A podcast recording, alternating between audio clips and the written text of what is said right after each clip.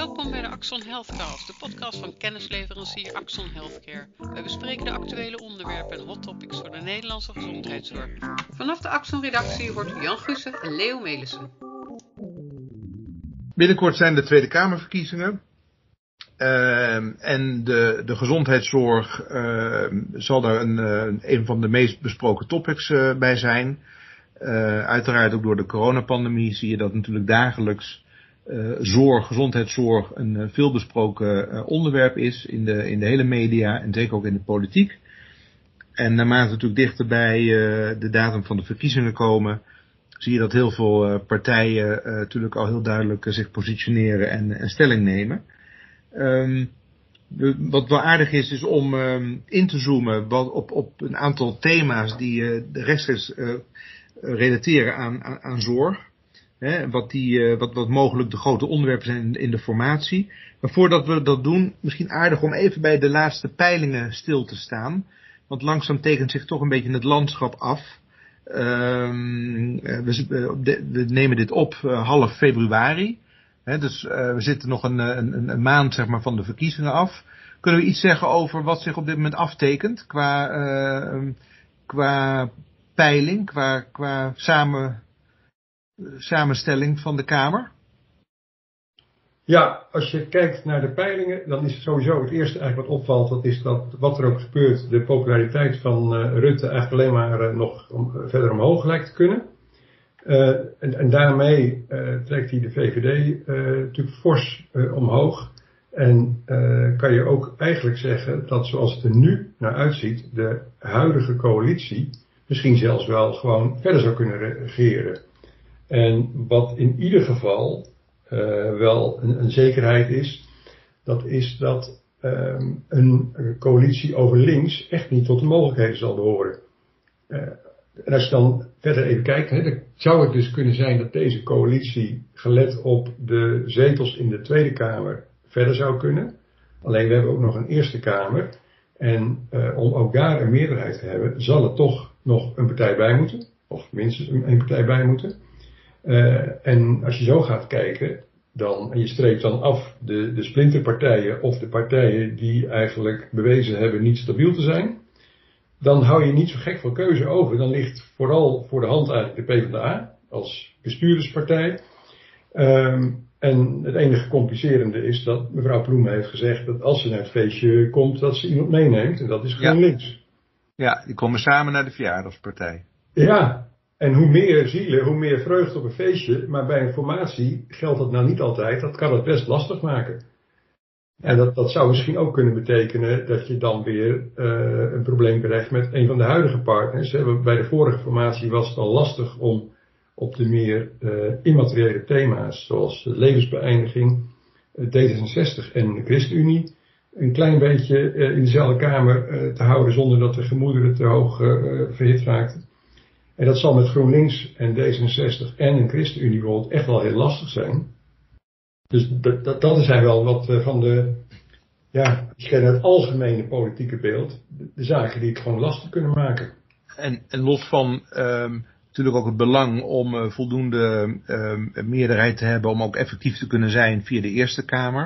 Ik kan me voorstellen dat als de basis heel krap is in de Tweede Kamer qua meerderheid, dat er ook wat voor te zeggen is om een wat bredere uh, steun te realiseren. Dus dat het sowieso wenselijk is om mocht dat nodig zijn, uh, wat meer zetels en, en dus een partij erbij te halen. En hoe groot is dan de kans dat uh, PvdA en GroenLinks bij wijze van spreken daar alleen samen in gaan? Of, of zou bijvoorbeeld GroenLinks alleen een, ook een optie zijn? Ja, kijk, de PvdA heeft gezegd, wij gaan het niet doen zonder GroenLinks. Maar GroenLinks heeft dat niet zo hard gezegd. Nee. Dus daar heb je wel een goed punt. Dat zou inderdaad kunnen. Ja.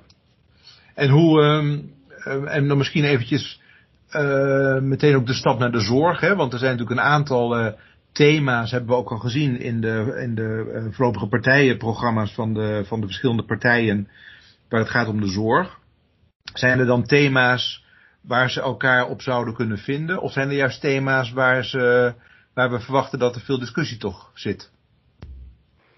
Ja, kijk, de, uh, in de kern kan je zeggen, is er bij de partijen aan de linkerkant veel kritiek op het huidige stelsel.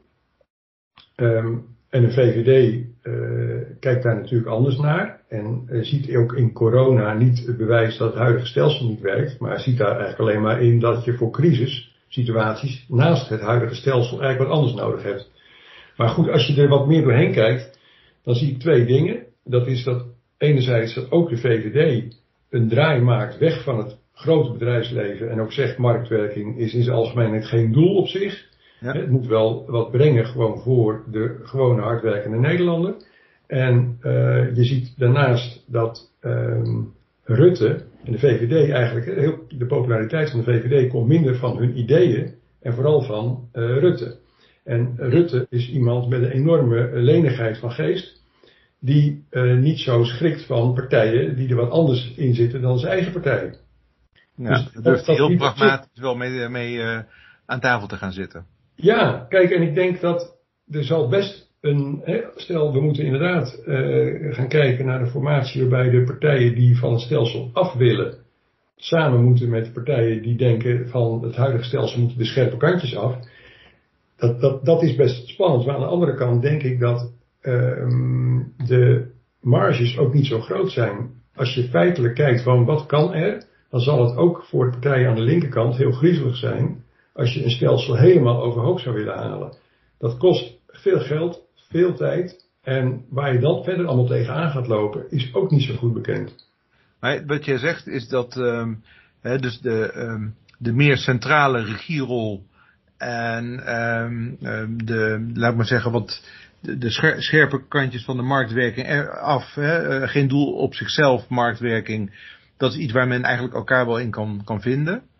Maar um, moet dan een stelsel wel of niet op, op zijn kop. Hè? En misschien, ik weet dat een aantal partijen natuurlijk wel specifiek ook iets zeggen over een rol van een zorgverzekeraar in, in, in, een, in een nieuw aangepast stelsel. Hè? Uh, of het weghalen van de volumeprikkels en veel meer uh, onder de streep naar de uitkomsten kijken en dat gaan bekostigen. Even als voorbeeld, de, PvdA die zegt heel duidelijk, die, die regierol die moet weg bij de, bij de zorgverzekeraar. Ik zie ook dat een aantal partijen heel duidelijk zeggen, we moeten in de regio, er moeten regiobudgetten komen. Uh, uh, dus met andere woorden, ligt, daar niet veel meer de discussie rond wie, wie, daar de kar moet gaan trekken en ja, het voortouw gaat nemen. Ja, dat denk ik wel. En daar zitten trouwens meer kanten aan. Ik denk dat um, een hele andere rol voor verzekeraars in de zin ook dat er een heel, eigenlijk van het huidige stelsel afscheid wordt genomen. Dat zie ik niet zo snel uh, gebeuren. Maar ik zie wel dat dat op onderdelen uh, ge, uh, kan gebeuren. En dat die dan verkocht worden, vooral ook als Porsche. Uh, Winst van de achterban. En exact, dat het dus vooral ook een kwestie wordt van, van, van, van marketing. Um, ook om maar een voorbeeld te noemen, uh, iets wat gewoon heel lastig is, dat is uh, alle uh, medisch specialisten in loondienst. Want dan moet je um, de goodwill gaan afkopen. Ja. Kost heel veel geld en er zitten gewoon heel veel lastige kanten aan, terwijl je die specialisten ook gewoon nodig hebt. Dus al te veel weerstand is helemaal niet prettig. Um, maar wat je wel kunt doen, is maatregelen zodat het aantrekkelijker wordt om in loondienst te gaan. Of, heel extreem gesteld, je gaat het heel erg lastig maken om met de huidige maatschapsstructuren in de toekomst verder te gaan. En dat kan je dan brengen van we hebben een eind gemaakt eigenlijk aan uh, de zelfstandige bedrijfsvorming uh, door specialisten. Terwijl je dan dat eigenlijk maar stapsgewijs gaat veranderen. Want op zich geldt voor die regie, dat kan ja. ook op een aantal terreinen gebeuren. Hè. We hebben al regelgeving die de mogelijkheid biedt dat de overheid een aantal zaken regisseert. Nou, als je daar wat dingen onderbrengt, dan kan je dat gewoon ook natuurlijk zien als we grijpen in bij uh, de scherpste kantjes. Ja, maar wat je net aanhaalde, bijvoorbeeld die specialisten in loondienst, uh, dat staat bijvoorbeeld in het uh, programma van D66. Dat staat in het programma van de ChristenUnie. Dat staat in het programma van het CDA zelfs. Ja, nee, ik ga dat niet voor niks aan. Dat, is, dat, is, dat, dat, dat wordt interessant. Hoe gaan we daarmee om? Dat je ja. wel een verhaal hebt maar dat je toch niet 2 miljard hoeft uit te keren. Ja, en dit is natuurlijk ook wel moeilijk om even 1, 2, 3 voor elkaar te krijgen. Ik bedoel, ik snap dat het electoraal qua retoriek uh, natuurlijk heel goed scoort. En dat zal denk ik voor meerdere onderwerpen hierin zijn. Maar dit is zo'n punt wat best wel breed gedeeld wordt door behoorlijk wat partijen, ook in de huidige coalitie. En dan misschien specifiek even nog op, op geneesmiddelen. je ziet natuurlijk door corona dat er uh, een gevoel afhankelijkheid is, zeker ook aan het begin hè, van, van uh, distributie en, en, en productie en voorraad en dergelijke vanuit Azië. Dat bij heel veel partijen komt nu terug, we moeten naar een centrale voorraad, dan wel productie op Europees, dan wel lokaal, hè, nationaal. Daar zit ook nog wel wat, verschil. De ene speelt daar meer de Europese kaart en de andere meer de, de, de, de, de, nationale troef, zeg maar dus dat is iets. En dan bij een aantal partijen heel specifiek toch ook wel zaken als uh, we moeten toch wat, wat doen met prijzen van geneesmiddelen. Er moet een prijswaakhond komen, dat is ook wel aardig. En dat komt dan van de VVD vandaan. Ja, maar kijk, ook daar denk ik, het klinkt allemaal vaak stoer. En het is soms uh, de vraag hoe je dat dan in Den Haag invult. Want uh, volgens mij hebben we al min of meer een prijswaakhond. Want we hebben het Bureau Financiële Arrangementen, die bij de risicomiddelen qua bekostiging gaat onderhandelen. En eigenlijk kan je dat wel eh, neerzetten als een prijswaakhond.